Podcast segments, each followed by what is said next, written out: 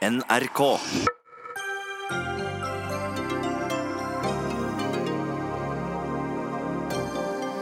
For aller første gang gir, eh, lar lederen av Trygderetten seg intervjue om den såkalte Nav-skandalen. Det var nemlig Trygderetten som gjorde Nav oppmerksom på at måten de praktiserte regelverket på, var feil. Vi møter også en av dem som ble dømt for trygdesvindel, men ikke skulle ha blitt det. Og så langt er det mange uskyldige som er rammet. Hva slags følger bør komme for de ansvarlige, og hvem er egentlig mest ansvarlig? Dessuten, terrororganisasjonen IS skal ha fått seg ny leder etter at den forrige valgte å sprenge seg i luften før amerikanerne tok ham. Han kalles professoren og er beryktet for sin brutalitet. Og gjorde Henrik Ibsen, en 13 år gammel jente, gravid da han bare var 15 år? Det hevdes i en ny biografi, men en Ibsen-kjenner kaller den biografien for et makkverk.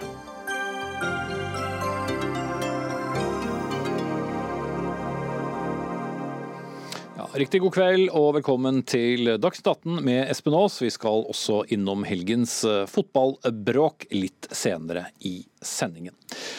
Men vi starter naturlig nok også denne sendingen med det som de aller fleste nå bare omtaler som trygdeskandalen eller Nav-skandalen.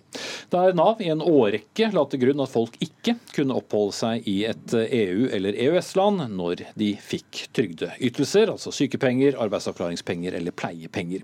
Men det er altså feil ut fra en forordning fra EU som kom i 2012. Riksadvokaten har anslått at minst 48 personer er uriktig dømt for trygdesvindel.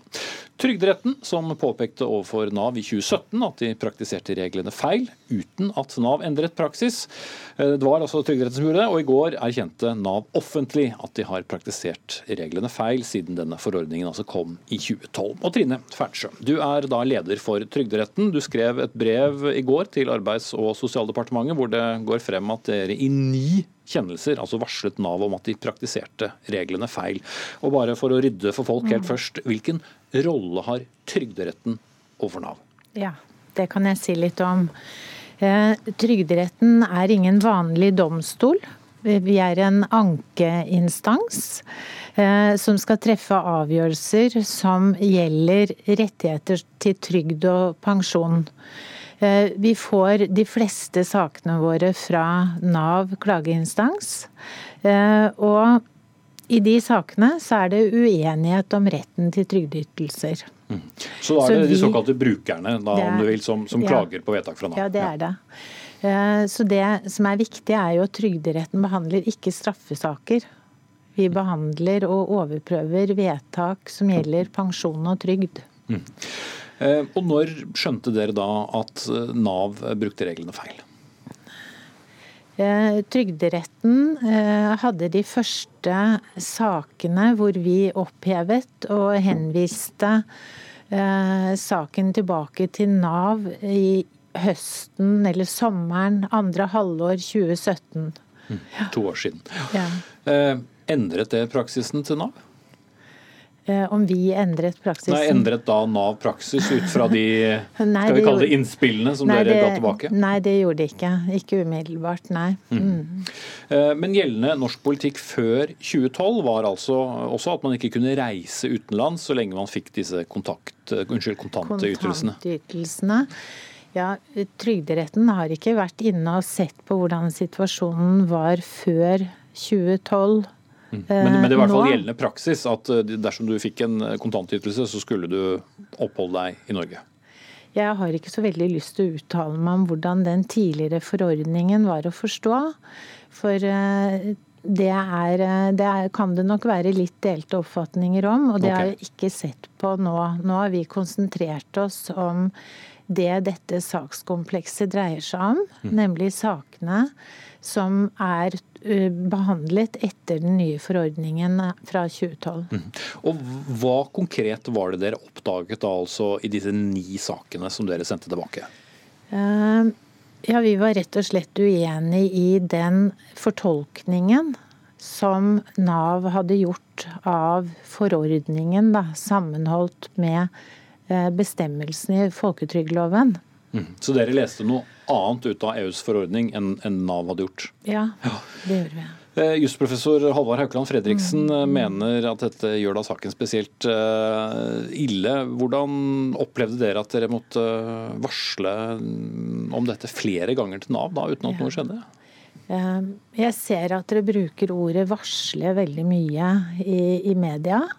Men det er jo sånn at Trygderetten vi fatter avgjørelser i enkeltsaker. Eh, og det vi gjør når vi har fattet en sånn avgjørelse, er å sende den til sakens parter. Så da er Nav på en måte varslet gjennom at de har fått vår avgjørelse til seg. Mm. Det er sånn det foregår. Så vi varsler ikke Nav på sånn generelt grunnlag de får beskjed om hva som er utfallet av en konkret ankesak. Mm. Men var det noen av sakene som også da, som kom fra dere, som også endte i, i Navs favør? Eh, de første sakene, eller de ni sakene, tenker du? Mm. Eh, det Ja, det var en av de sakene som er nevnt i det brevet. Eh, som jeg skrev til eh, departementet, som jeg helt sikkert kunne ha presisert. da, Hvor det står at vi høsten 2017 og fram til mars at vi, eh, vi henviste, opphev, henviste en del saker tilbake til ny behandling. En av disse sakene var en stadfestelse av et avslagsvedtak. Okay. Men grunnen til at jeg nevnte den i den sammenhengen, er at vi der uttaler noe om rettsforståelsen eh, av forordningen. Ok, ja. så Ganske komplisert. ja. Men, men uh, betyr det også uh, at uh, frem til disse ni sakene da, hvor dere mm. oppdaget mm. så har dere også lest den samme forordningen feil? det er en mulighet for det. Vi fikk vel den første saken inn til Trygderetten i 2014. Eh, og så tror jeg, sånn på bakgrunn av det jeg vet nå, at vi har behandlet ca. 50 saker i perioden mellom 2014 og ja, første halvår 2017. Og det er en risiko for at heller ikke vi i Trygderetten har sett den aktuelle EØS-rettslige problemstillingen i de sakene. Mm. Dette må Jeg vet ikke så mye om det ennå. Vi har ikke hatt tid til å gå gjennom disse sakene og analysere det nå. Ja, det skjønner jeg. Ja. Eh, men jeg må bare si at det beklager jeg. Mm. For, for det tilfellet at vi skal ha lagt en uriktig forståelse til grunn, så er jeg selvfølgelig Mm. Men det var til slutt dere som, som, som, oppdaget det. Var det. Mm. Mm. Takk skal du ha, Trine Fernsjø, leder for uh, Trygderetten, Takk. for uh, den oppklaringen. En av dem som um, kan ha vært feilaktig dømt, det er um, 62 år gamle Svein Erik Lundestein fra Nøtterøy i Vestfold. og Du er med oss på linje. Du ble i 2016 uh, dømt for grovt bedrageri etter å reise til Spania mens du da fikk arbeidsavklaringspenger og måtte sone 40 45 dager med soning med, med, med, fotlenke hjemme. Hvor viktig har denne nye avklaringen fra myndighetene vært for deg? Ja, Den har vært uh, veldig viktig. fordi at um, det er jo en oppreisning for både meg og alle de andre involverte som har, som har uh, havnet i samme situasjon. Mm. Eh, og bare for å forklare din sak, for Du gikk da altså på disse arbeidsavklaringspengene på et tidspunkt, men det tok ganske lang tid før det ble tatt kontakt med deg? Ja, det gikk vel eh, nesten to-tre år i hvert fall fra, fra jeg reiste litt opp og ned den perioden jeg var syk og hadde arbeidsavklaringspenger til eh, jeg fikk et brev i posten fra, fra politiet, eh, eller fra, fra, Nav først, og så en innkallelse av politiet til avhør i Larvik. Mm. Og da var, du, da var, du, ferdig med arbeidsavklaringspenger og tilbake i jobb? Ja, jeg var tilbake i jobb, ja. ja. Hvordan følte du da å bli eh, dømt som en, som en kriminell og, og en bedrager? Ja, Det var det verste. At det, liksom, det står at det er grovt bedrageri. Altså, Jeg hadde jo ikke følt at jeg hadde gjort det. Jeg har aldri gjort noe gærent uh, i mitt liv uh, som jeg har fått noe dom på. Og plutselig så står du der og, og får beskjed om at du har, har, gjort grovt bedrageri. og Det var ganske tøft. Og, og det verste av alt var at i rettssalen så satt det jo en hel skoleklasse fra Holmestrand som skulle lære at sånn gjorde du ikke, liksom. Og det var ikke noe særlig hyggelig. Men bare for å ha stilt det spørsmålet, Hvis du gikk på arbeidsavklaringspenger, så fikk du de pengene fordi at eh, du skulle avklares pga. en skade og skulle tilbake i jobb. Hvorfor reiste du utenlands? Ja, det vet jeg ikke, rett og slett. Altså, jeg, jeg, følte jo at jeg ikke gjorde noe gærent. Kona hadde kjøpt et hus her nede i 2011, og hun bodde her en periode. og Jeg reiste litt opp og ned. Og hadde hatt et brev fra legen min til en spesialist i forbindelse med ryggen min, eh, som gjorde at eh, hun skrev at Svein, er en del i Lunds, eh, Svein Lundsten er en del i, i Spania på, for å komme raskere ut i jobb, for å restituere seg raskere. Mm. Og Da regner jeg med at Nav så jo det, ikke sant? og da tenkte jeg da, da er ikke dette noe gærent. ikke sant? Nei, Så du handlet i god tro? Ja, jeg handlet i god tro. Mm. Det sa jeg i retten òg. Hva har du tenkt å gjøre nå? Vil du vurdere å kreve erstatning? Ja, jeg har vært inne på tanken på det. For eh, det har jo gått utover ganske mye. ikke sant? Føler du går inn, Jeg har en jobb som jeg besøker kunder i bygningsbransjen. Og, og føler at eh, når jeg går inn der, vet de at jeg er den der eh, bedrageren. ikke sant? Det er ikke noe særlig hyggelig, så det har gått utover jobb og, og forskjellig. Det er klart bedre seg med åra, men, men det, det, har vært tøft i perioder, ja. Mm. Så har forbundet en viss skam med, med den straffen. Ja, ja, helt riktig. Mm. Takk skal du ha, Svein Erik Lundstein fra, fra Nøtterøy. Eh, trygderettsekspert og advokat Olav Legereid, du har hatt flere klienter på dette feltet selv. og Du mener at det er snakk om langt flere saker enn det Nav selv har, har avslått. De sa 2400 i går. Hvorfor kan det være enda flere? Eh, jeg har regnet meg fram til dette helt overslagsmessig eh, tatt utgangspunkt i hvor mange saker som har vært behandlet i Trygderetten på dette. Jeg har nok litt mer systematiske tall på dette enn det Trygderettens leder selv eh, presenterer her, eh, etter at vi har gått gjennom dette i, i, i dag. Og, og, Basisen for mine tall er da de avgjørelsene som finnes på Lovdata. Uh, og, som er databasen over, over, saker som har gått i retten? Ja, det er riktig. Og, og, vi har da søkt oss fram til og funnet at det i hvert fall er 98 saker behandlet i Trygderetten som vi er helt sikre på viser til en EØS-problematikk. Altså det er da opphold i EØS-land. Mm. Hvor store konsekvenser har da dette hatt for dem det gjelder? Det har hatt store konsekvenser for veldig mange, fordi at disse tilbakekrevingssakene kan jo dreie seg om store beløp. Eh, og enda et problem er jo at eh, Nav i mange tilfeller har stanset ytelsen framover i tid i tillegg. Mm. Så ikke bare Som man fått, eh? Ja, altså ikke bare har man fått tilbakevirkende stans for den perioden man ikke hadde rett på ytelsen, eller Nav mente man ikke hadde det, men man har i tillegg da på en måte blitt straffet på pungen framover i tid ved å, å miste ytelsen fullstendig. Men bare fra det uh, klart, altså Gjeldende praksis har jo da vært at uh, så lenge du har fått en såkalt da, eller det som heter en kontantytelse, så skal du uh, oppholde deg i Norge fordi det er en form for avklaring, enten sykepenger, eller arbeidsavklaringspenger eller ledespenger. Hvorfor velger da noen likevel å reise til utlandet? Har det vært så uklart, eller har utgangspunktet beskjeden vært hold deg her? Beskjeden har nok eh, vært hold deg her, søk om eh, adgang til å få reise. Hvis ikke du får tillatelse, så må du holde deg i Norge. Mm. Det har vært beskjeden fra Nav. Og Noen har jo valgt å trosse den beskjeden. Noen har kanskje ikke vært klar over at de må søke. Eh, og har bare reist. Mm. Og, og, Det er jo et poeng, fordi at det har jo vært da beskjeden fra forskjellige regjeringer og fra trygdemyndigheter. Har det også vært litt av grunnen, tror du, at ingen sjekket ordentlig tilbake på denne forordningen? Ja, eh, det er Nav som er fagansvarlig instans her, uansett hvordan man snur og vender på dette. Eh, man kan godt si at domstolene har en plikt til å undersøke eh, dette selv. Domstolen har en selvstendig ansvar for rettsanvendelsen, selvfølgelig. Men det har jo vært gjengs å tenke at den eh, etaten som har fagansvaret på dette, har en oversikt og en, en kompetanse på dette som verken påtalemyndigheten, forsvarer eller dommere kan, kan, ha noe i nærheten av. Mm. Imran Haider, du er da LO-advokat og har doktorgrad i, i trygderett og reviderte læreboken 'Innføring vurdering i Trygderett i 2018 som brukes på, på jusstudiet. Hvor komplisert er egentlig regelverket?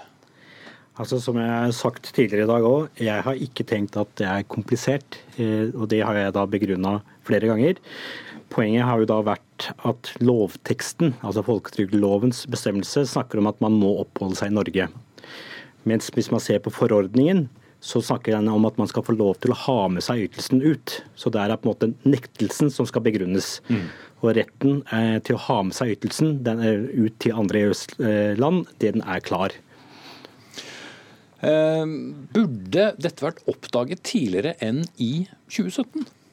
Helt klart. helt klart. Dette, vært, eh, dette bryter jo med det fundamentale som ligger bak trygdeforordningen. For Den legger jo opp til å utvide grensene for Norge. Da, og da ta med seg også, altså, Så lenge man er innenfor EØS-området, så skal man behandles som om man er i Norge. Eh, så Det er det klare utgangspunktet. og Det er det man på en måte burde ha visst så lenge forordningen eh, har vært gjeldende. Mm. Som jo er et poeng eh, for veldig mange andre ting når det gjelder EU, e men, men i disse tilfellene så har altså myndighetene praktisert annerledes. Men eh, Legereid, Nav endret jo heller ikke praksis i 2017, da Trygderetten begynte å sende flere saker eh, tilbake. Eh, det gikk altså enda to år. Hva tenker du om det? Det tenker jeg er altfor lang tid. Man kan ha forståelse for at etaten har behov for litt tid til å områ seg. og og, og, sjekke om det Trygderetten har kommet til er, er, riktig, og om det er i samsvar med det eh, direktoratet eller Nav vil, vil, slutte seg til. Men å bruke to og et halvt år, det, det høres jo veldig veldig lenge ut. Mm. Eh, og For dere som kan mer trygderett enn eh, en oss legfolk, hvis man da har fått et varsel om at man praktiserer regelverket feil, kunne man da stanset denne straffeforfølgelsen, eller altså gå etter uh, trygdemottakere som Nav på den ene siden mente har gjort noe feil, men hvor Trygderetten hadde en annen oppfatning, eller var det riktig at praksisen fortsatte? Altså, vi mener jo at det er feil å fortsette med den praksisen.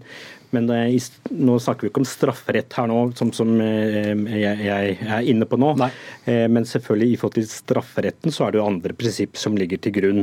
Og der har man jo en diskusjon om typisk rettsvillfarelse.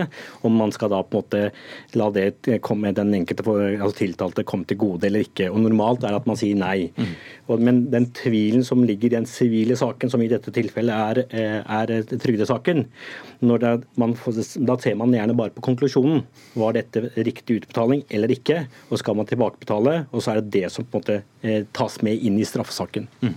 Men Nav har åpenbart hatt en ganske stor definisjonsmakt. Ja, helt, eh, altså, Ikke tvil om det. Og du, Det stilte spørsmålet du stilte advokat Legreid, dette med hva som kan ligge bak. og Det er jo selvfølgelig en teorier, men jeg vil jo det, sette det også litt i sammenheng med sånn som eh, programleder gjorde. Det er at viljen til å på en måte la noen eksportere ut ytelser, altså ta med ytelser ut av Norge, der har man jo hatt en eh, motstand mot. Mm. Vi vil ikke eksportere eh, trygd ut av, av, landet. Jeg må runde dere av. skal bare si helt til slutt at Vi inviterte tidlig i dag Nav også for å, å svare på dette studio, men eh, de valgte da å ikke delta. Takk skal dere ha, eh, Imran Haider, LO-advokat, Olav Legereid, trygderettsekspert og advokat. Takk. Eh, men vi gir oss ikke med denne saken, for eh, det er eh, fortsatt svært sterke reaksjoner på det hele. Og det hersker også en viss forvirring, samtidig som det er et tilsynelatende tverrpolitisk ønske om å få ryddet opp. Hva nå enn ryddet opp måtte bety i den ytterste konsekvens. Fakta er iallfall stadig at mange enkeltpersoner, som vi også møtte en tidligere sending, har blitt fremstilt som kriminelle uten at de har vært det. Erlend Wiborg, du er stortingsrepresentant fra Fremskrittspartiet og leder av arbeids- og sosialkomiteen på Stortinget, med oss på linje fra USA. Eh, du sier som mange andre politikere i dag at eh, alle fakta eh, må på bordet.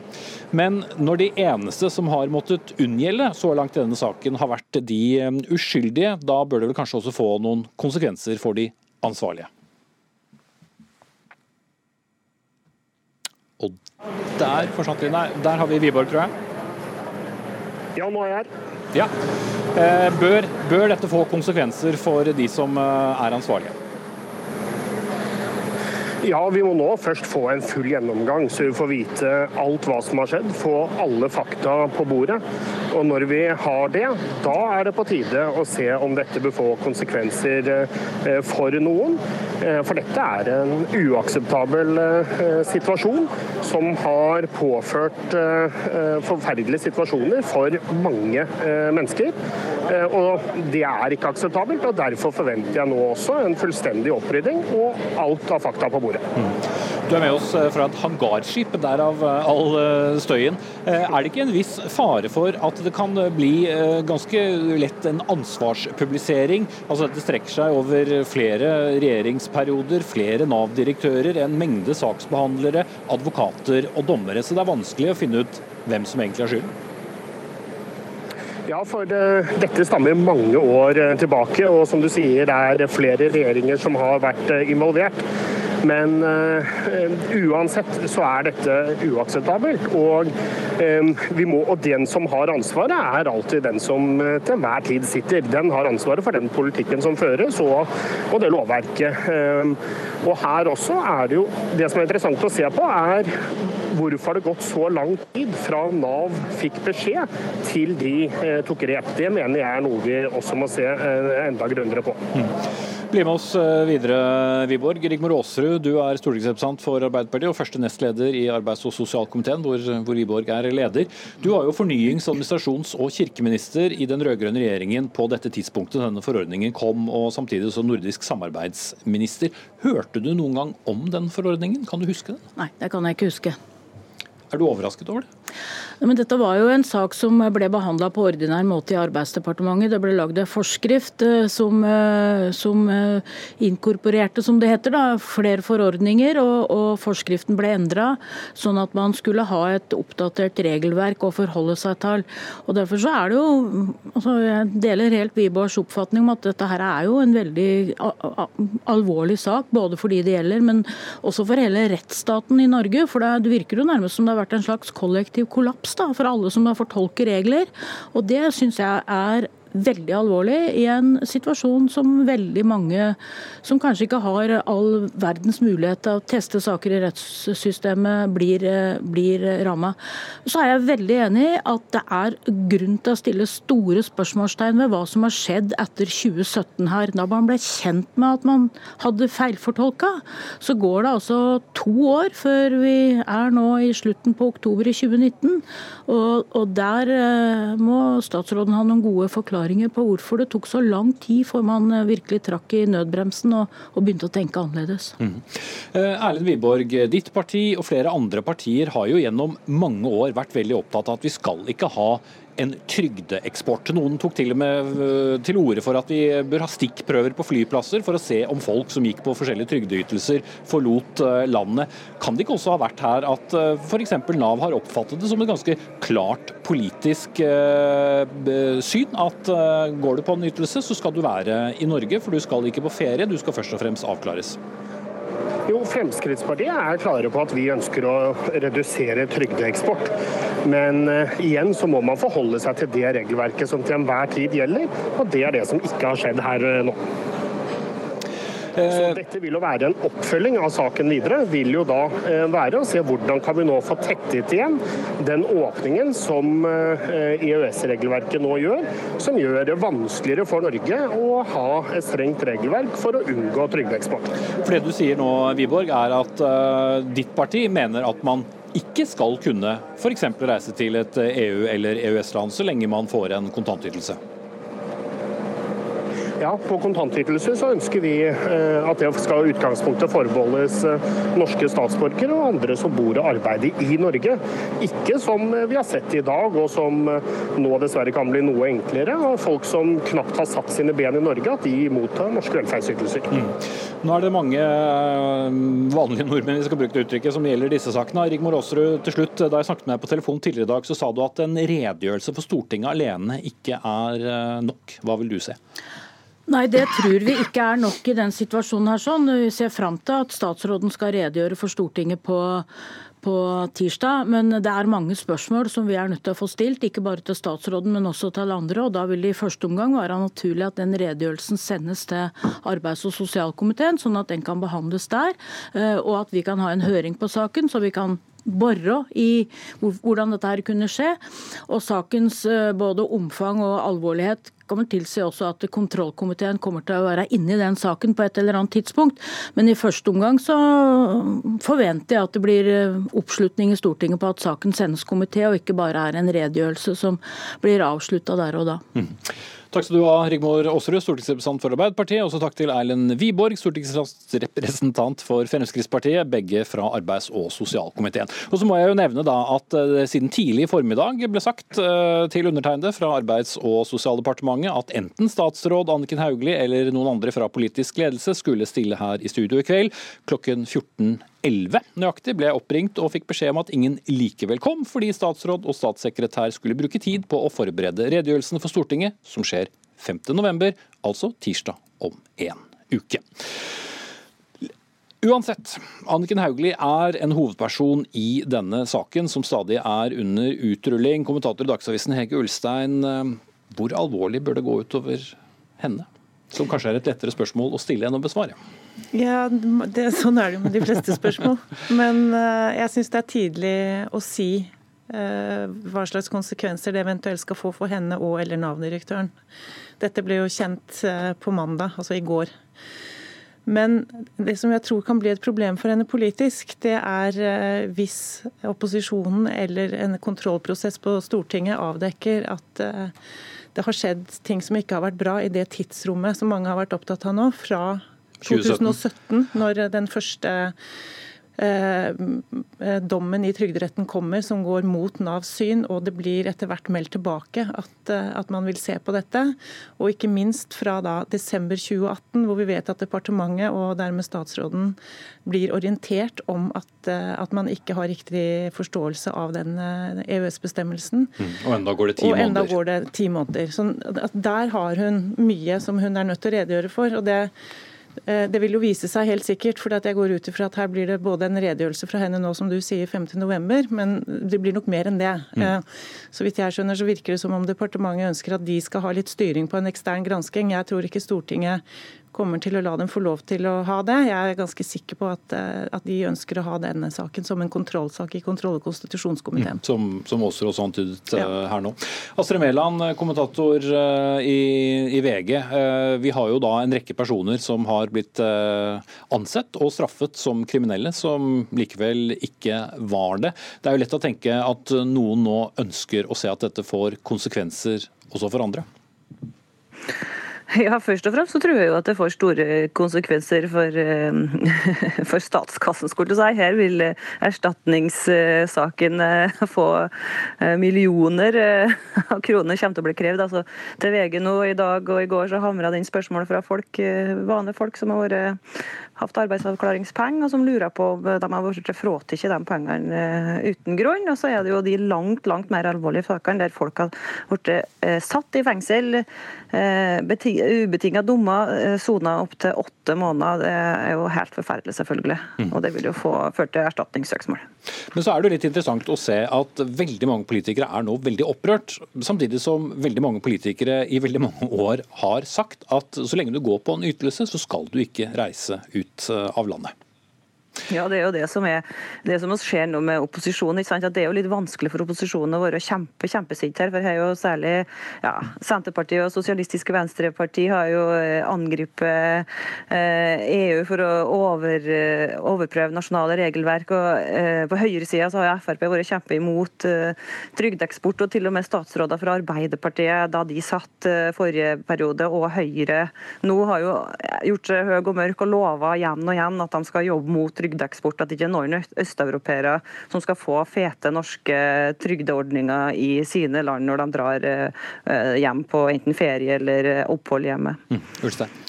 Jeg tror at vi, vi må se litt på konteksten rundt denne saken også. fordi Det er jo ikke bare snakk om politikk, det er snakk om en rettsskandale. egentlig fordi det kan virke som om, men det er sånn en del ting som tyder på at både politiet og rettsvesenet har på en måte bare lagt Nav sine påstander til grunn. og det er veldig veldig svake parter vi snakker om her på den andre siden. Det er mennesker som er syke, som eh, kanskje har store omsorgsforpliktelser for syke barn f.eks. Vi vet ikke alle sakene, men det er, det er ikke, dette er ikke steinrike mangemillionærer som kan hyre inn skarpskodde advokater. Vi har hørt om folk som ikke har råd til advokat i det hele tatt, som bare får beskjed om at du må bare tilstå, for dette, eh, dette kommer du ikke noe vei med uansett.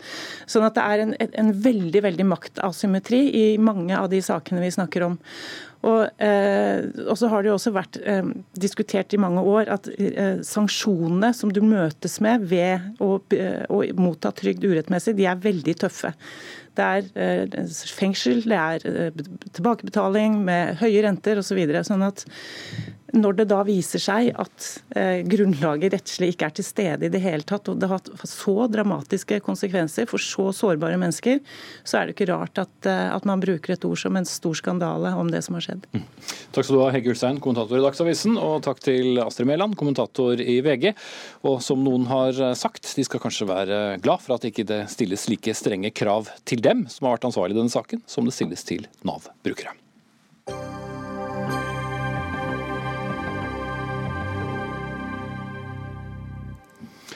Mot slutten av Dagsnytt 18 skal vi diskutere en helt ny biografi om Henrik Ibsen, der det hevdes at den berømte forfatteren gjorde en 13-åring gravid da han bare var 15. Men nå skal vi utenriks, for um, bare to døgn etter at IS-lederen Abu Bakr al-Baghdadi sprengte seg selv i luften nordvest i Syria for å slippe unna amerikanerne, så hevdes det fra noen kilder at ekstremistorganisasjonen IS, eller Den islamske staten, som den han utnevnte seg selv til, skal ha utpekt en mann ved navn Abdullah Kardash til ny leder.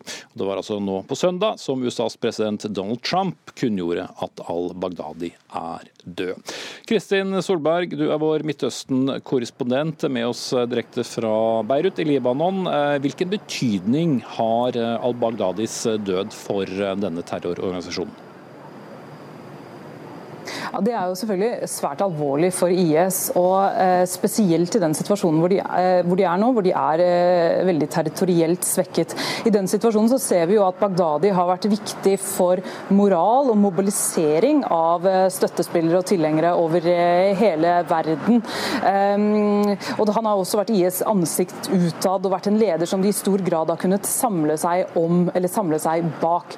Uh, men IS er veldig mye mer enn én person, og de er ikke, eh, de er ikke avhengig av én enkelt eh, leder. Eh, og Bagdadis lederskap har til og med også vært utfordret det siste året. Så er det jo naturligvis også sånn at ideologien deres lever videre. Like lite som Osama bin Ladens død var slutten på Al Qaida, så er Bagdadis død slutten på IS. Mm. Så var de ganske raske med å sende ut bilder og fortelle at de hadde fått seg en ny leder, men eh, kan vi sette lit til eh, dette? IS har jo vært eh, godt kjent for sitt propagandaapparat. Ja, dette, denne nye lederen, eller Den angivelig nye lederen Abdullah Kardash det er en eh, person som, eh, som Bagdadi selv skal ha utnevnt til nestleder, og også til leder for muslimske affærer, i en, i en uttalelse i august på IS sitt eget nyhetsbyrå. Men det ble aldri helt det ble aldri offisielt bekreftet, slik at det hersker faktisk litt tvil om det. og det er også et par andre kandidater som, eh, som kan være aktuelle, som er høytstående i organisasjonen. Eh, men det er klart for IS så vil det være, eh, vil det være veldig viktig å komme ut med et nytt navn så fort som mulig. Det vil være viktig for, for tilhengerne deres, både i Irak og Syria, der tilhengerne, stort sett, eller mange av dem i hvert fall, sitter i fengsler og fangeleire, og, og der Bagdadi har hatt en stor rolle som sagt, for deres moral. Eh, men det vil også være viktig eh, internasjonalt for å vise at de faktisk fortsatt er en faktor å regne med. Mm. Takk skal du ha, Kristin Solberg. Eh, Ali, du er forfatter og journalist og skrev boken 'Trusselen fra IS' for noen år tilbake. Hvor mye er igjen av den trusselen? Eh, jeg tenker jo i utgangspunktet at eh, selv om det er en god nyhet at Bagdadi Baghdadi er drept, så er jeg redd for at det kan føre til at IS på mange måter blir sterkere. For det er litt som blir sagt her, man vet lite om hans styrke internt i organisasjonen. Han viste seg i en propagandavideo for et halvt år siden, og det var den første videoen han viste seg i på fem år. Eh, og da hadde han åpenbart behov for å sende en beskjed til sine tilhengere. Og så har vi jo sett eh, i ettertid at eh, IS eh, har blitt nedkjempet på slagmarken. Men ideologien fortsetter å leve videre. Og det kan hende at IS selv også ønsket seg en ny leder. Vi vet lite om posisjonen til Bagdadi internt. Og en ny leder betyr jo også ny giv til en svekket organisasjon. Mm.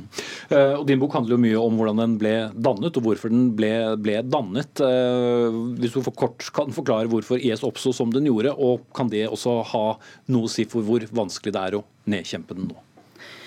Ehm, kort fortalt så eh, tror jeg det er eh, man må, man må, se på sammenhengen i hvordan IS vokste. og Det var først og fremst eh, invasjonen i Irak i 2003, der jeg mener at IS faktisk militært bygde sin styrke, hentet kompetanse og tok med seg et Eh, fikk med seg mange tilhengere. Og Så oppsto selvfølgelig kaoset i Syria. og Vi ser jo nå en på mange måter tilsvarende situasjon. Eh, fordi at eh, etter at USA nå nylig annonserte at de trekker seg ut av Syria, Tyrkia kommer inn, Russland kommer inn, Iran er betraktelig sterkere. Det er alle de aktørene som IS trenger å mobilisere imot. Assad i Syria har eh, styrket sin posisjon mm, eh, svært mye. Ehm, så Derfor så er jeg rett redd at dette er en gjentagelse. og Nettopp derfor så tenker jeg jo at Bagdadis Baghdadis død betyr bare at det kommer en ny figur, og kanskje nettopp vil gi det image-boostet som IS så sårt ønsker. Mm. Jo Jacobsen, du er professor ved Institutt for sosiologi og statsvitenskap ved NTNU og ekspert på internasjonal politikk, og med oss fra Trondheim. Til VG i går så sa du at dette er et klart tilbakeslag for moralen i organisasjonen IS. Hvordan tenker du eh, at det er? Først og fremst så er det her et uh, enormt problem når det gjelder timinga for den islamske stat. Altså, Vi har vært inne i en situasjon de siste ukene hvor, uh, hvor uh, amerikanerne har signalisert tilbaketrekking fra Syria. Tyrkerne har invadert Nordøst-Syria i kamp mot kurderne. Og du har fått muligheter, sett fra den islamske stat sitt, sitt ståsted, muligheter for tilbakekomst, for comeback i kjerneområdet deres sammen med Irak. Sånn at timinga akkurat nå, når lederskapet er i kaos, for lederskapet er i kaos nå, de er spredd rundt i Irak og Syria på forskjellige steder. Lederen Abu Bakr altså al-Baghdadi er drept. Eh, og det, man, man stiller spørsmål ved hvem som skal overta. Og Sannheten er, at, er nok at lederskapet er i kaos nå. Og denne, dette comebacket som for så vidt er veldig sterkt avhengig av situasjonen på bakken, spesielt i Syria. Dette comebacket vil bli mye vanskeligere i akkurat denne kritiske fasen for IS. For IS har ligget med relativt brukket rygg i, i, lang tid. Men så hører det med til historien at uh, den islamske stat er veldig desentralisert. Kjerneområdet er Irak og Syria. Det var konsentrert rundt dette såkalte kalifatet, som var en stor suksess, ikke minst for uh, al-Baghdadi personlig som ga han denne, denne legitimiteten, eh, denne populariteten, denne tiltrekningskraften. Eh, men den islamske stat har forgreininger.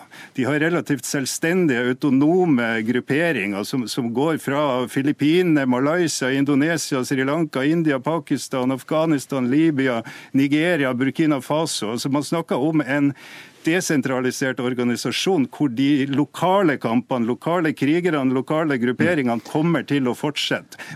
Ja. ja. Eh, Mark Ali, denne nye lederen Abdullah Kadash, eh, som da omtales som professoren, og, og visstnok skal være kjent for sin brutalitet, hvis det er nå den nye lederen, hvordan vil da eh, denne såkalte islamske staten forsøke å bygge han opp? Eh, ja, det er et veldig godt spørsmål. De er på mange måter allerede i gang. Så gjenstår det jo å se om det er han som blir lederen. Altså Trump eh, hevder jo i dag at eh, den nye lederen av IS også skal være drept. Men vi får vente og se på det. Jeg tror propaganda kommer til å være et stort nøkkelord her fremover. Og vi ser jo nå TikTok, som er en sånn app for barn, hadde nylig så var det flere titalls kontoer som ble stengt. som var fulle av IS-propaganda. Jeg tror at IS på nye måter kommer til å infiltrere ulike kanaler fremover. Det er det vi kommer til å se. Og det vil være på måter Vi må huske på, hvis vi tenker tilbake til 2014, da al-Baghdadi gikk inn i den store moskeen i Mosul og erklærte det islamske kalifatet. Det var på en tid der folk nesten ikke hadde hørt om Baghdadi. Det var første gang verden plutselig så denne mannen, som ikke var like karismatisk som Osama bin Laden, for han har nesten ikke vist seg heller. Eh, og da eh, så vi altså det verste eh, terrorkalifatet i moderne tid med han. Så jeg tror at vi nå kommer til å gå inn i en tid der vi kanskje dessverre etterpå kommer til å se hvordan IS er i ferd med å eh, posisjonere seg. Og så vil jeg bare legge kort til at det, eh, det, som gjør at denne saken skiller seg litt fra drapet på eh, Osama bin Laden, da man fikk tatt han, er jo at her er det Man har faktisk ikke en kropp. Eh, ikke sant? Bagdadi hadde på seg en selvmordsvest som eh, han sprengte. Og bevisene her, det tror jeg er litt avgjørende. IS har jo heller ikke kommet med noen offisiell kunngjøring om at eh, de eh, mener at Bagdadi er drept selv. Takk skal du ha, Maruk Ali, forfatter, og Jo Jacobsen, som var med oss fra Trondheim, som er professor ved Institutt for sosiologi og statsvitenskap ved NTNU.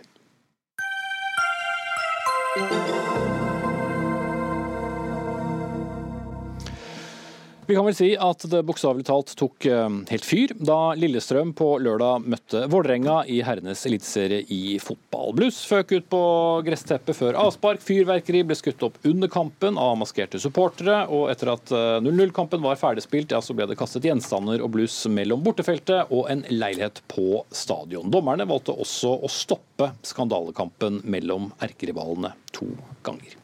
Nils Fiskekjønn, du er direktør for konkurranse i Norsk Fotballforbund og har ansvar for fotballarrangementer i Norge med to til tre millioner tilskuere i året. Du så ikke kampen selv, men har skaffet en viss oversikt. Hvor um, alvorlig ser dere på det som nå har skjedd? Eh, nei, Dette er jo bilder som vi ikke ønsker å, å se i, i, norsk fotball. Eh, når det er sagt, så har vi veldig få saker av dette eh, nasjonalt. Det er jo takket være den jobben som gjøres av, av klubblederne her. Mm. Men eh, hvem har egentlig ansvaret? Det er slik at eh, Bortelaget og bortelagets felt, der er det bortelag som har ansvaret for, for den agerende som skjer der. og Hjemmelaget har jo ansvaret for resten. Og så har hjemmelaget det overordnede ansvaret for sikkerhet på banen. Mm. Men så har vi supporterklubber, og så har vi andre tilskuere. Men til sjuende og sist så er det klubbene som uh, må, må ta ansvaret her. Det er klubbene som er medlem i NFF, ja. Mm. Erik Espeseth, du er daglig leder i eh, VIF eller Vålerenga. Hvordan forholder dere dere til bluss og maskerte tilhengere på tribunen? Nei, først må Jeg si at eh, jeg synes jo våre supportere gjennomgående gjør en fantastisk innsats for klubben. og De støtter, støtter, oss i tykt og tynt. og Det har vi ikke minst sett den høsten her, da, hvor vi har slitt litt sportslig. Så Det er viktig å få fram. Men i forhold til bluss, så er det klart at de scenene som vi så på kampen mot uh, LSK på Åråsen, hvor det hives ting ut på banen osv., det tar vi sterk avstand fra. Mm. Men uh, hva gjør dere som klubb da, for å nøste opp i dette? Nei, det har jo vært uh, omfattende arbeid før kampen, hvor vi har møtt LSK. det har vært masse møter både med politi og andre NFF, og vi har planlagt kampen. Eh, og eh, I den forbindelse så, så eh, hadde jo håpet å unngå at vi skulle se den type scener som, som kom på Åråsen. Men ja, nå ble det noe sånn denne gangen. og Det var jo stor stemning, da, men vi skulle gjerne sett at ikke det ble hivd ting på banen og ble skutt opp fyrverkeri. Ja, Det var mange som ikke opplevde det som så stor stemning heller når de var med på det. Men vet dere noe om hvem? Bak, altså. Det som eh, jobbes med nå, er jo selvfølgelig et identifiseringsarbeid som vil bli igangsatt nå når vi har fått bilder og video fra, fra kampen. Så det blir vel intensivert fra og med i morgen i hvert fall. Eh, og så har vi et sanksjonsreglement som er fastlagt sammen med supporterne. Som vi da vil benytte selvfølgelig i forhold til de få da, personene som gjorde ting her som de ikke burde gjort. Og Hva slags sanksjoner snakker vi om? Nei, det, kan, det, er mange ting. Det er et omfattende sanksjonsreglement, men det er utestengelse på x antall, x antall kamper år, for å si det slik. Så det er, det er regler som, som, vi har satt opp. Mm.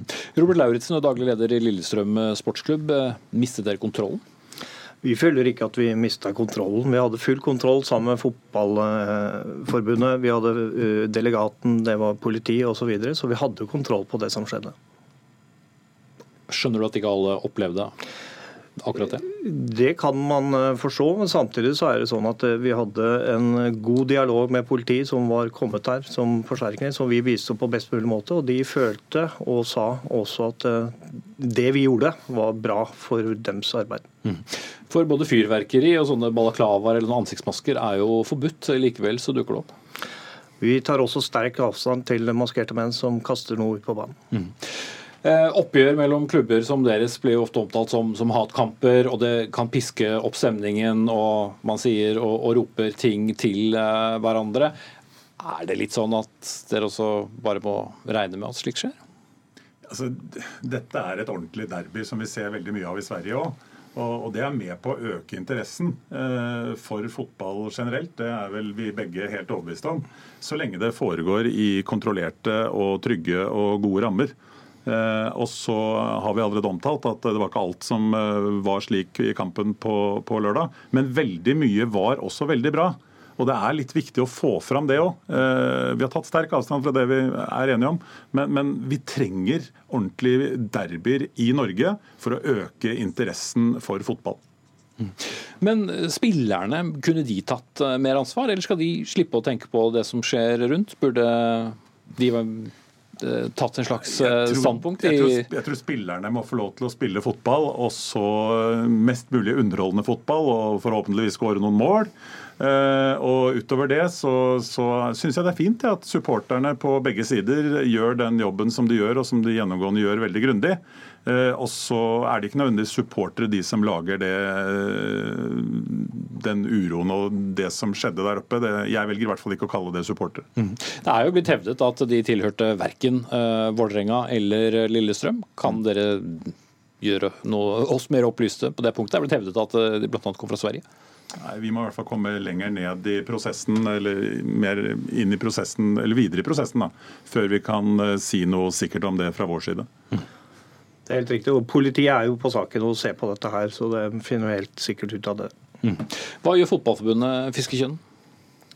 Eh, I forhold til bruk av bluss? Altså, ja, så med denne saken, hva Eh, vil det bli noen restriksjoner? Vil... Ja, ja. Nå er det slik at vi, eh, Det leveres rapporter etter kampene. Eh, de er gjennomgått, og, begge klubber har nå bedt om å forklare ting som står i rapportene, hva dette skyldes. Så vil dette bli lagt fram for påtalenemnda, som da tar stilling til en anmeldelse eller ikke. Det vil skje da i løpet av neste uke. Mm. Og da vil det komme reaksjoner eh, deretter? eller Ja, Gitt da en anmeldelse, så vil det være domsutvalget som tar stilling til dette. Der vil det gå noen uker. Eh, og Da er det hele spekteret egentlig fra en bot og ned til eh, i verste fall poengtrekk. Mm. Hva er mest eh, effektfullt? En har en god tradisjon for å si at en, en skal ikke bruke poengtrekk på hendelser som ikke har noe med sport å gjøre. Slik at det, det, En lander ofte på bøter i disse sakene. Eh, vi har også med oss eh, Tove Mo Dyrhaug, som er administrerende direktør i Rosenborg ballklubb. For det var nok en såkalt hatkamp eh, på søndag som fikk mye oppmerksomhet, nemlig oppgjøret på Lerkendal mellom Rosenborg og Molde. Og Da var det flere som la merke til at spissen Alexander Søderlund, som ble utvist i, i første omgang, senere i kampen sto på tribunen og ropte taktfast 'Vi hater Molde by'. Er det også innenfor? Nei, vi ønsker jo, vi ønsker jo selvfølgelig eh, toppkamper. Og det er alltid, alltid eh, mye spenning både på og utenfor banen når Rosenborg-Molde eh, møtes. Og så er det en del opptredener som vi ikke ønsker, da. Og det er det fra begges supportere. Så det er vi egentlig ganske flink til å jobbe sammen med Molde som klubb, da, både i forkant og etterkant av kampene. Mm. Vil det få noen øh, konsekvenser? Eh, tenker du akkurat øh, det i forhold til at øh, Søderlund var opp til kjernen? For eksempel? Du kan jo si at det er jo fint at han er opp til kjernen, og så er det jo, er det jo å stå og synge der, det er jo bra. Og så er, det jo, er vi jo selvfølgelig, eh, selvfølgelig ikke noe, noe for at eh, man synger de supportersangene mot Molde, da. Nei, så man kan synge, men man må tenke litt på teksten. Det skjedde jo også noe før Det er vel egentlig det som er greit. Hva sa du? Det skjedde også noe før eh, kampen startet, som også har fått mye oppmerksomhet. Nemlig da unge spillere i alderen 10-12 år marsjerte rundt banen. Fortell oss hva som skjedde etterpå.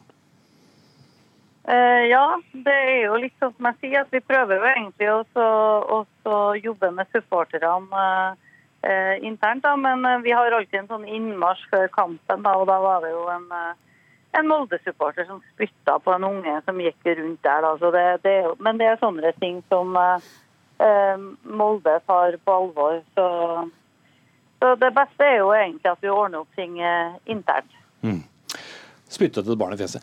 Eh, Jeg må jo spørre dere alle, også dere som er, er her i studio. Man får litt sånn følelse av at man må knuse noen egg for å få en eh, fin fotballomrett eller en fin fotballkamp. Er, er, det, er er holdningene litt sånn Er det så farlig, så lenge ingen blir skadet? Altså, nå, nå- nå vil jeg gjerne si at det ble to barn skadet i Malmö i går kveld under kampen der pga. bluss. Så, så dette er det en risiko ved som vi må ta seriøst. Og, og, sikkerhet på fotballkamper for unge som gamle er det viktigste.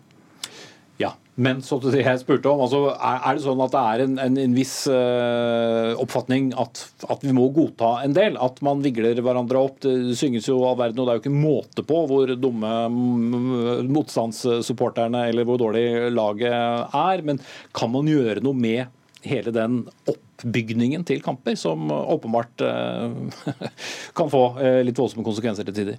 Altså, der støtter jeg jo Erik som sier at, at det å skape litt temperatur og ha litt atmosfære rundt dette, det, det er positivt i sin, eh, på, rette måten. Um, det andre som jeg nevnte, som sikkerhet, må vi ta seriøst. Men ordbruken, den må vi fortsatt tåle kan være noe hard mot, mot, mot. Der problemet er fyrverkeri, bluss og eventuell vold. I forhold til ordbruk så tenker jeg at, eh, og det har jo vi snakket mye med våre supportere om også, eh, det er lov til å være litt kreativ innimellom. Være, ha litt mer fantasi enn disse 500 år gamle tingene som man gjentar og repeterer hele tiden om både dommeren og andre ting. Og Der føler jeg tidvis at våre i hvert fall er ganske kreative og flinke, også i forhold til TIFO, som er med å skape en veldig god stemning og bruker mye tid på det. Men litt mer kreativitet, det tror jeg kan være veldig lurt på generelt grunnlag i hvert fall.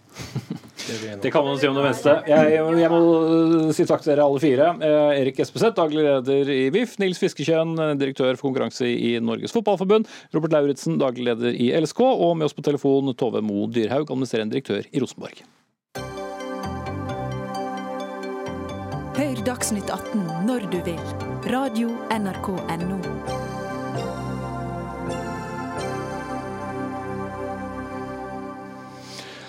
Det er eh, vel ikke akkurat noen hemmelighet at eh, Henrik Ibsen fikk et barn utenfor ekteskap da han bodde i Grimstad som ung mann. Men kanskje er det mer til historien. Iallfall i en eh, ny bok hevder forfatter Sverre Mørkhaug at dette ikke var Ibsens eneste uekte barn, men snarere at Ibsen ble far allerede som 15-åring, og at han gjorde en 13 år gammel jente gravid. Og dette skal også være grunnen til at han i sin tid flyttet fra Skien til Grimstad.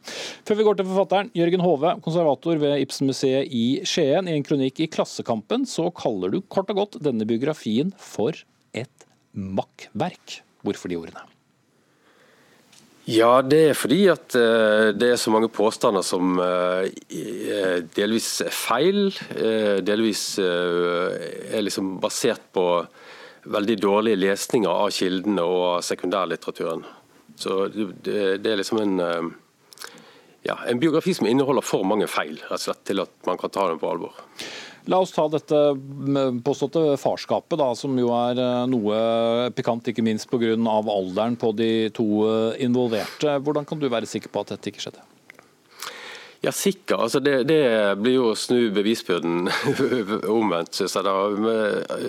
Poenget er at den historien dukket opp i 1977 i en bok som heter 'Ibsens hemmeligheter', som er skrevet av en psykolog som heter Arne Duve.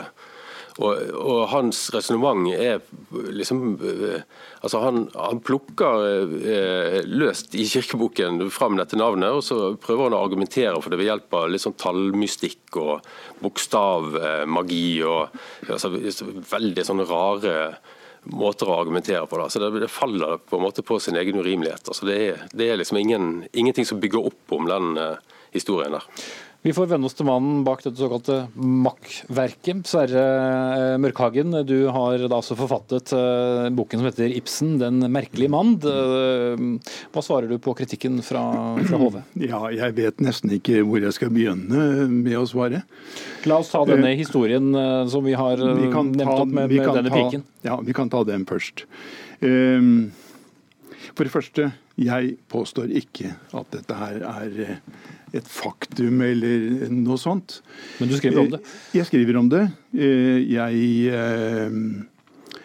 eh, Da jeg holdt på med denne boken, holdt på i fem år, så kom jeg over Arne Duve og hans engasjement i Ibsen. Han har gjort en stor jobb for Ibsen. Han har vært frosset ut av det gode selskap i, blant Ibsen-forskere. Um, og så ser jeg denne historien som han henter opp. Uh, og jeg ser også hvordan han har blitt møtt. Uh, jeg ser uh, hvorfor han har blitt frosset ut. Fordi han går inn på ganske spekulative forklaringer Mm. Som du da gjengir. Hvorfor er det viktig å ha det med i disse over 800 sidene som Nei, du har gitt ut? Fordi at uh, han ødelegger for seg selv med disse spekulative forklaringene. Uh, og det jeg gjør, er å si ålreit, vi legger den til side. Og så ser vi hva vi får ut av dette her, hvis vi bare ser nøkternt på det. Mm -hmm. Og det jeg da mer og mer Eh, får ut av det, er at dette forklarer veldig mye som er dårlig forklart av eh, hendelser i Ibsens liv på denne tiden. Mm.